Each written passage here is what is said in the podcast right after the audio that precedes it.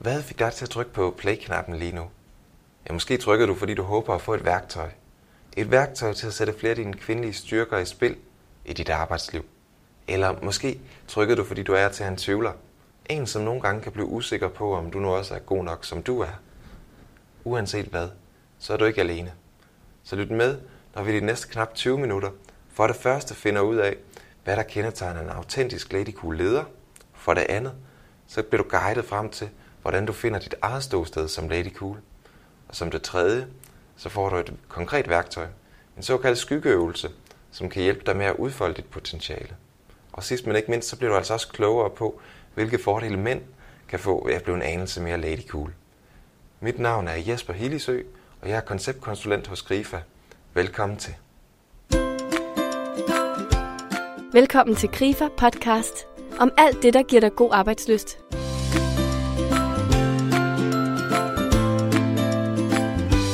Du lytter til anden del af to podcast om Lady Cool, dit køn er en styrke med Emilia van Havn. Emilia hun er kultursociolog og ekspert i moderne livsformer og tendenser i samfundet. Derudover er hun også foredragsholder og forfatter til flere bestsellerbøger, og hun er netop udkommet med bogen Lady Cool, dit køn er en styrke, brug det. Det er en bog om tidens kønsroller og de kvindelige trends i samfundet. I den første podcast der handlede det blandt andet om sårbarhed, der er en af de unikke kendetegn ved at være lady cool. Her kan du høre eller genhøre, hvad Emilia van Havn sagde, da jeg spurgte hende om, hvorfor hun anser sårbarhed for at være en stor styrke, også som leder. Når du tør udvise sårbarhed, er der mange, der er bange for, at det handler om at, at være enormt svag, eller at man, man, man simpelthen ikke kan klare noget, eller at man er sådan en, en, en, en person, man skal tage enormt meget hensyn til. Øhm, men lad os sige, ægte sårbarhed handler i virkeligheden om, at du altså formidler hvad skal man sige, noget af den usikkerhed, der også ligger i at være menneske. Og en usikkerhed, som alle mennesker oplever. Og i det øjeblik, du kan formidle den sårbarhed, samtidig med, at du jo altså, har en styrke alle mulige andre steder, fordi man er jo ikke kun sårbar, det er jo kun en del af en selv, så åbner man faktisk for et rum, øh, et socialt rum, hvor andre mennesker også kan vise deres sårbarhed, det vil sige deres åbenhed, deres øh, usikkerhed, deres svagheder. Og det betyder, at man pludselig har et helt andet rum af tillid, af, af, af, af mulighed for at gå ind og ud af hinanden. Og det betyder pludselig, at du, øh, du på mange måder kan skabe et langt mere fortroligt og kreativt og sikkert rum øh, at skabe ud fra og, og have et fællesskab ud fra. Øh, og det er noget af det, som vi skal bruge mere og mere fremover. Så det du også siger, det, det handler egentlig om, at man finder frem til at bruge sine følelser aktivt ind i ja. også sit arbejdsliv. Præcis. Mm. Fordi altså det der med at kun at have rationale, det er der jo ingen, der tror på længere. Så at kunne give udtryk for sine følelser, så længe man jo ikke bare kaster dem ud i hovedet på andre, og så må de fikse det. Men altså, at man udviser den der følsomhed, gør jo også, at du er langt mere åben over for andre mennesker. Og den åbenhed er fuldstændig afgørende for at have et godt arbejdsklima i dag. Så det, at, at en leder, eller øh, især en leder, fordi man skaber jo en kultur som leder, ikke?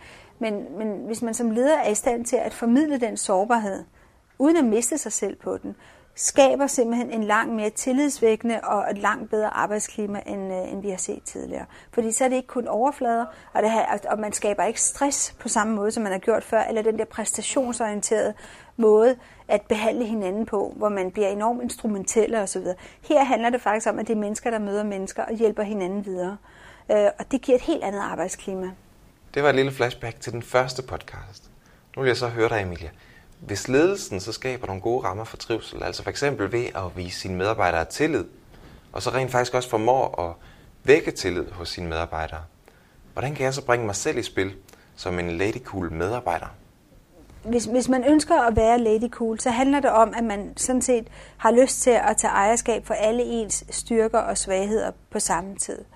Øh, og at man i virkeligheden, altså grundlæggende set, handler det faktisk om at, at ture være og insistere på at være den, man er. Punktum. Samtidig med, at man også giver andre plads til at være den, man er. Så man har et, et meget autentisk, ærligt øh, grundlag at mødes på og skabe ud fra.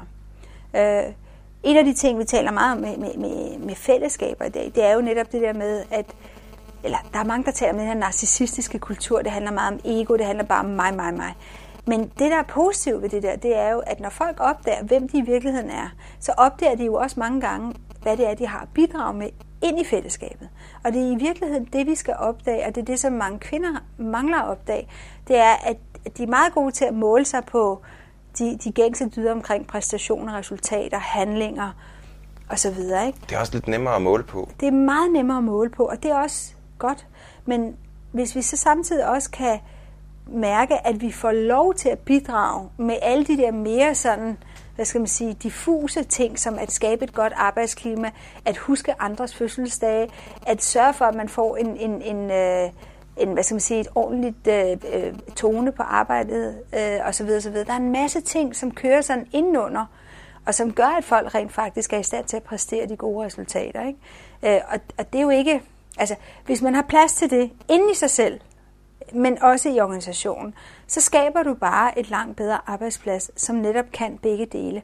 Og jeg vil bare understrege igen, tusind gange, fordi nu har jeg jo mødt det nogle gange, ikke? det er, at det er jo ikke Altså, det er jo ikke kun kvinder, der er i stand til at gøre de her ting. Mænd er jo også. Så det handler om egenskaber, og at koble de her egenskaber med de egenskaber, man jo allerede har, som er mere sådan øh, handlingsorienteret, resultatorienteret osv.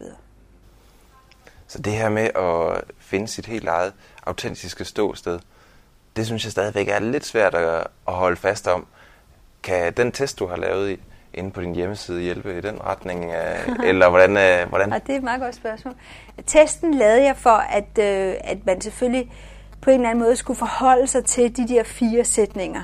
De fire sætninger, der sammen udgør Lady Cool. Jeg er elsket, jeg er smuk, og jeg er fri, og jeg er vigtig. Ja, som for mig øh, ligesom opsummerer, hvad det vil sige at være lady cool. Og i virkeligheden så handler det jo om, at, at, at altså, hvis man scorer 10 ud af 10, så er man jo i virkeligheden bare i går sådan et helt menneske, der ligesom er meget hjemme i sig selv og tager ejerskab for både ens positiv og ens måske mindre positive sider. Ikke? Øhm, men ved at tage testen, så opdager man i hvert fald i hvilken retning, altså hvor man egentlig står hen, hvor meget ejerskab man egentlig har for sig selv. Øh, så derfor så er det måske en meget god start i virkeligheden at gøre det. God indikator. Ja. Hvis vi vender blikket sådan lidt mod arbejdsmarkedet og, og mod påklædning, fordi der er også en hel masse ydre øh, påvirkninger. Altså der er mange i dag, som stadigvæk har en eller anden øh, form for uniform på, eller det kan også være, at der er en udtalt dresscode, den kan være beskrevet, den kan også være usagt på de enkelte arbejdspladser. Vi kan bare tage ind fra sundhedsvæsenet, der har vi for eksempel øh, sygeplejersken. Hvordan øh, kan jeg med uniformen på udtrykke, at jeg er, er lady cool?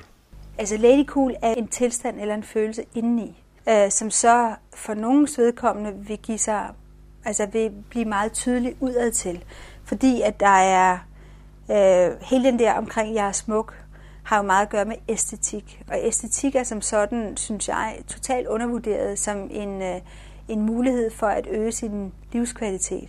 Mange tror, at æstetik handler om overfladisk forskyndelse. Det gør det ikke. Det er et spørgsmål om social kommunikation. Og, og æstetik kan i sig selv også være med til at ændre dine følelser. Der er masser og masser af forskning, der viser det. Hvis du for eksempel er ked af det og føler dig øh, handlingslammet, så kan du gå en tur i en, i en grøn skov, eller du kan gå ud og se en kunstudstilling, eller du kan købe et par nye sko. Så kan den æstetiske oplevelse, du giver dig selv, den kan simpelthen ændre dine følelser, så du både får handlekraft og overskud, klarhed i hjernen, du tænker bedre osv., når du æstetisk på en eller anden måde er blevet stimuleret. Og vi ved det jo også fra cancerpatienter, ikke? at når de lærer at lægge en make-up, øh, så de føler sig smukke igen, på trods af, at de ikke har noget hår, hverken på hovedet eller i ansigtet, ikke? så ændrer det deres livskvalitet. Så for mig handler æstetik af hele den her sætning om, at jeg er smuk. Det handler om, at vi giver os selv lov til faktisk at vise os selv frem, som vi har lyst til, og som på, altså i det ydre afspejler, hvordan vi føler det i det indre. Og som sygeplejerske kan det godt være, at, at jeg, jeg, kan ikke, øh, altså jeg kan måske ikke lave så meget om på uniformen, men så kan jeg tage noget tilbehør på, som viser, hvem jeg er, og ikke bare, hvad jeg er. Altså en sygeplejerske, jeg er ikke bare en rolle, men jeg er også et menneske, en kvinde, en person, som har nogle særlige egenskaber. Men meget af det kommer i virkeligheden indenfra. Altså, at man retter ryggen, fordi man virkelig føler, at man er elsket, og fordi man er vigtig. Altså, den udstråling, vi kender det jo, Gandhi er et fantastisk eksempel på en mand, som jo nærmest ikke havde en klud på, men som i kraft af sit nærvær og sin tilstedeværelse og sin egen selvopfattelse jo i den grad brændte altså i, så meget igennem, at vi udmærket godt var klar over, hvad hans værdi var, selvom han jo ikke havde nogen fysiske objekter, vi kunne koble det op på. Og han er et godt eksempel at huske, at sige, at det starter altså indenfra, men så kan jeg så også vise det udad til. Ikke? Jo, på den gode måde, så vi altså undgår alt fra kønsdiskrimination til sexikane og så ja. videre, ikke? Altså alle ja. de doser. Ja. En af de nyeste trends, og måske også lidt af det, du også er inde på med det indre, det kom, spiller, spiller ind og, og skal skinne igennem, det er på Facebook, der har kvinder begyndt at, øh, at lave de her nøgen-selfies. Ja. Der, hvor de smider make -up'en. Hvad handler det om? Altså, det er en interessant trend, fordi øh, Facebook har haft, øh, til dels også Instagram, men, men mere Facebook i virkeligheden, har haft en, en tendens til, at, at det var sådan lidt øh, det perfekte livs udstillingsvindue for rigtig mange. Og, og, og der er jo øh, øh, undersøgelser, der viser, at folk simpelthen bliver ked af at være på Facebook, fordi at de jo hele tiden møder andre folks peaks, ikke? altså der, hvor de er deres højdepunkt. Ikke? De fortæller ikke om, øh, at i dag har jeg taget et kilo på, eller i dag blev jeg forladt af min kære. Altså jo, måske, fordi der deler de også noget socialt. Men de der mindre ting, hvor man ikke sådan lige synes, man er super lækker, når man er forkølet, eller hvad ved jeg, et eller andet, ikke? når man er ude og træner lige en lort, eller et eller andet. Ikke? Og, og så er det selvfølgelig en modtendens. Altså man kan altid være sikker på, at når der er en tendens, så kommer der også altid en modtendens. Og det der, det er jo så den der modtendens til at sige, vi er jo ikke så perfekte. Lad os nu også vise den anden side af os, og vise os nøgne, som vi er. At, at vi tør gøre det. Øh, og det i sig selv er jo meget interessant, at vi overhovedet skal gøre det, fordi hvis man lige skulle lægge den over på mænd, det ville jo være fuldstændig altså utænkeligt, at mænd skulle pludselig til at vise en trend med for eksempel, jamen, sådan så jeg ud i morges, da jeg var ubarberet, ikke? Eller, eller øh, her har jeg ikke trimmet mit skæg, eller sådan Altså mænd har slet ikke den tilgang til sig selv. Og det er jo blandt andet derfor, at et af de fire bud i Lady Cool er, jeg er smuk. Fordi uanset hvordan vi vender og drejer det, uanset hvor meget vi vil være ved det eller ej, så bliver kvinder bedømt på en anden måde på deres udseende, end mænd gør. Det ligger simpelthen i vores kulturhistorie. Og derfor er det jo en interessant trend, at der er nogen, der siger, jeg gider ikke lægge under, for jeg skal se ud på en særlig måde. Problemet er bare, at når der starter sådan en trend, så bliver det jo lige pludselig også en iscenesættelse. Og så står man sådan lidt og har fanget sin egen hale på en eller anden måde. Ikke? Uh-huh. Så hvordan kan man komme videre fra den? Jeg tror i virkeligheden, at det handler om, at den, den største frihed ligger i, at jeg vælger, hvordan jeg vil se ud, når jeg har lyst. Så hvis jeg har lyst til at vise mig med rød læbestift, er jeg så ikke lade være med at tage rød læbestift på, selvom jeg nogle gange bliver stoppet på gaden og får sagt, hør her Emilia, kan du ikke lade være med at tage så meget rød læbestift på, du skal i tv-avisen, for jeg kan simpelthen ikke høre, hvad du siger. At jeg så er lodret ligeglad med det, men at jeg også, når jeg så en dag for eksempel er forkølet, eller har været oppe at træne, og mit hår sidder, jeg ved ikke hvad, at det ikke er et spørgsmål om, at jeg ikke lægger, eller at jeg netop lægger et billede op for at state noget, men egentlig gør det, fordi jeg har det budskab, jeg nu engang har. Så jeg, det, altså den største kvindefrigørelse ligger i, at jeg vælger, hvordan jeg vil fremstå på det tidspunkt, jeg har lyst til. Det er det valg, vi har. Jeg har rejst en del i Afrika og også i Nepal for Kære Danmark. Der har jeg mødt rigtig mange kvinder, der ikke har skyggen af valg i deres liv. Ingen gang til, hvilken mand de vil have, hvor mange børn de vil have, om de overhovedet vil giftes eller ej. Og det, det er jo nogle radikale valg, vi taler om her. Ja, så det handler også lidt om at sætte tingene i perspektiv. Ja, det synes jeg. Hvad er dine tre vigtigste råd til, hvordan du bliver dit unikke kvindelige jeg ligesom skinne igennem i hele din karriere? Jamen, nummer et er, stop med at lyve. Hver gang du mærker en skam over et eller andet, altså, og allerede det med at tale om skam i det moderne samfund, altså i 2014, det er jo allerede så svært. Altså, det er så tabubelagt i virkeligheden. Det er jo en af de ting, jeg opdagede også, at, øh, at vi næsten ikke engang taler om det. Altså, og hvis man opdager, at man skammer sig, så skammer vi os over, at vi skammer os. Så det bliver sådan en dobbelt skam, og det er jo næsten ikke til at komme ud af.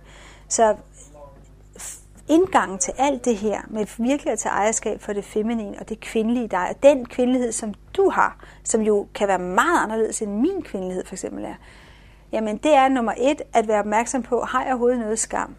Og det kan man være opmærksom på ved at opdage, lyver jeg? Altså, hvad er det egentlig, jeg går rundt og lyver om mig selv? Rigtig mange kvinder går og lyver, ligesom mænd går rundt og lyver. Vi lyver bare på nogle forskellige præmisser. Så det første, det vil være, at lægge mærke til, hvornår lyver du dig selv anderledes, end det du i virkeligheden er. Og så prøv at se, om det er indgangen til skammen. Når du ligesom har fået den på plads og udforsket den, og det kan man jo bare gå rundt og gøre i, hvad jeg, en uge, 14 dage, bare for at se, hvordan det egentlig ligger hos en. Ikke? Øhm, så kan man gå videre til at sige, okay, uanset hvem jeg er, så står jeg i det, og anerkender og accepterer, at det er sådan, jeg er, og så udforsker det, og ligesom begynder at se fordelene ved det. Øh, et lille eksempel, det der med at se fordelene. En, en, øh, på et tidspunkt lavede jeg sådan en skyggeøvelse, som det hedder, hvor øh, man skulle sige de ting højt omkring sig selv, som man ikke bryder sig om. Og, på, og det gik strygende, indtil jeg kom til sætningen, jeg er krævende. Jeg blev simpelthen så syg og dårlig ved at sige det, fordi det var så forkert for mig at sige. Og efter jeg ligesom havde lavet øvelsen og kom ud på den anden side, så opdagede jeg, at på den anden side af sætningen eller oplevelsen af, at jeg er krævende, der lå, at jeg er generøs. Og det er bare for at fortælle, at det er jo den vej rundt, man kan finde ud af, at de ting, man ikke bryder sig om ved sig selv, der ligger altid en rigtig god grund, en rigtig god egenskab bag det. Øh, så man lærer at tage ejerskab for det. Og så tror jeg, at den tredje øh, ting, som er virkelig vigtig, det er det der med, at man virkelig tør stå i, at det, som, som man selv oplever, er vigtigt for en. At man ikke forklejner det, at man ikke gør det mindre, at man ikke negligerer det, at man ikke ignorerer det, men at man rent faktisk står på mål for det. Uanset hvor latterligt, hvor overfladisk, hvor ligegyldigt, hvor meget modstand man end møder fra omgivelserne, at man virkelig står i det, man selv synes er vigtigt, så er man godt nok godt på vej, hvis man kan de tre ting.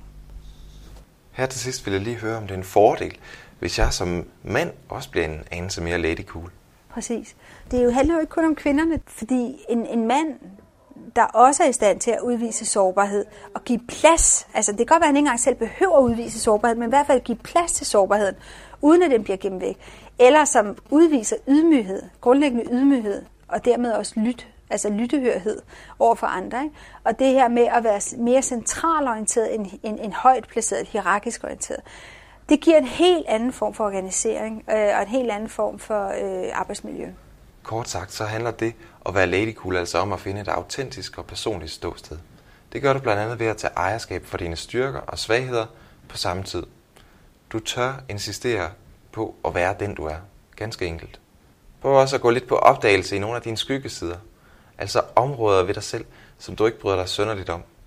Som regel så ligger der også en rigtig god egenskab bag dine skyggesider, som du kan tage til dig. Det var nogle af Emilia van Havns vigtigste pointer. Du finder flere podcast i vores app, der hedder God Arbejdsløst. Den finder du i App Store. Klik også ind forbi emiliavanhavn.dk. Her finder du også Ladycool-testen, som kan give dig en lille fornemmelse af, i hvilken grad du bringer din kvindelige personlighed i spil. Lyt også med igen i næste uge, hvor vi snakker med Bent Især Nielsen, der i mere end 20 år har været chef for Rigspolitiets rejsehold. Han fortæller om glæden ved at efterforske og opklare nogle af Danmarks historiens største kriminalsager. På genhør og rigtig god arbejdsløst.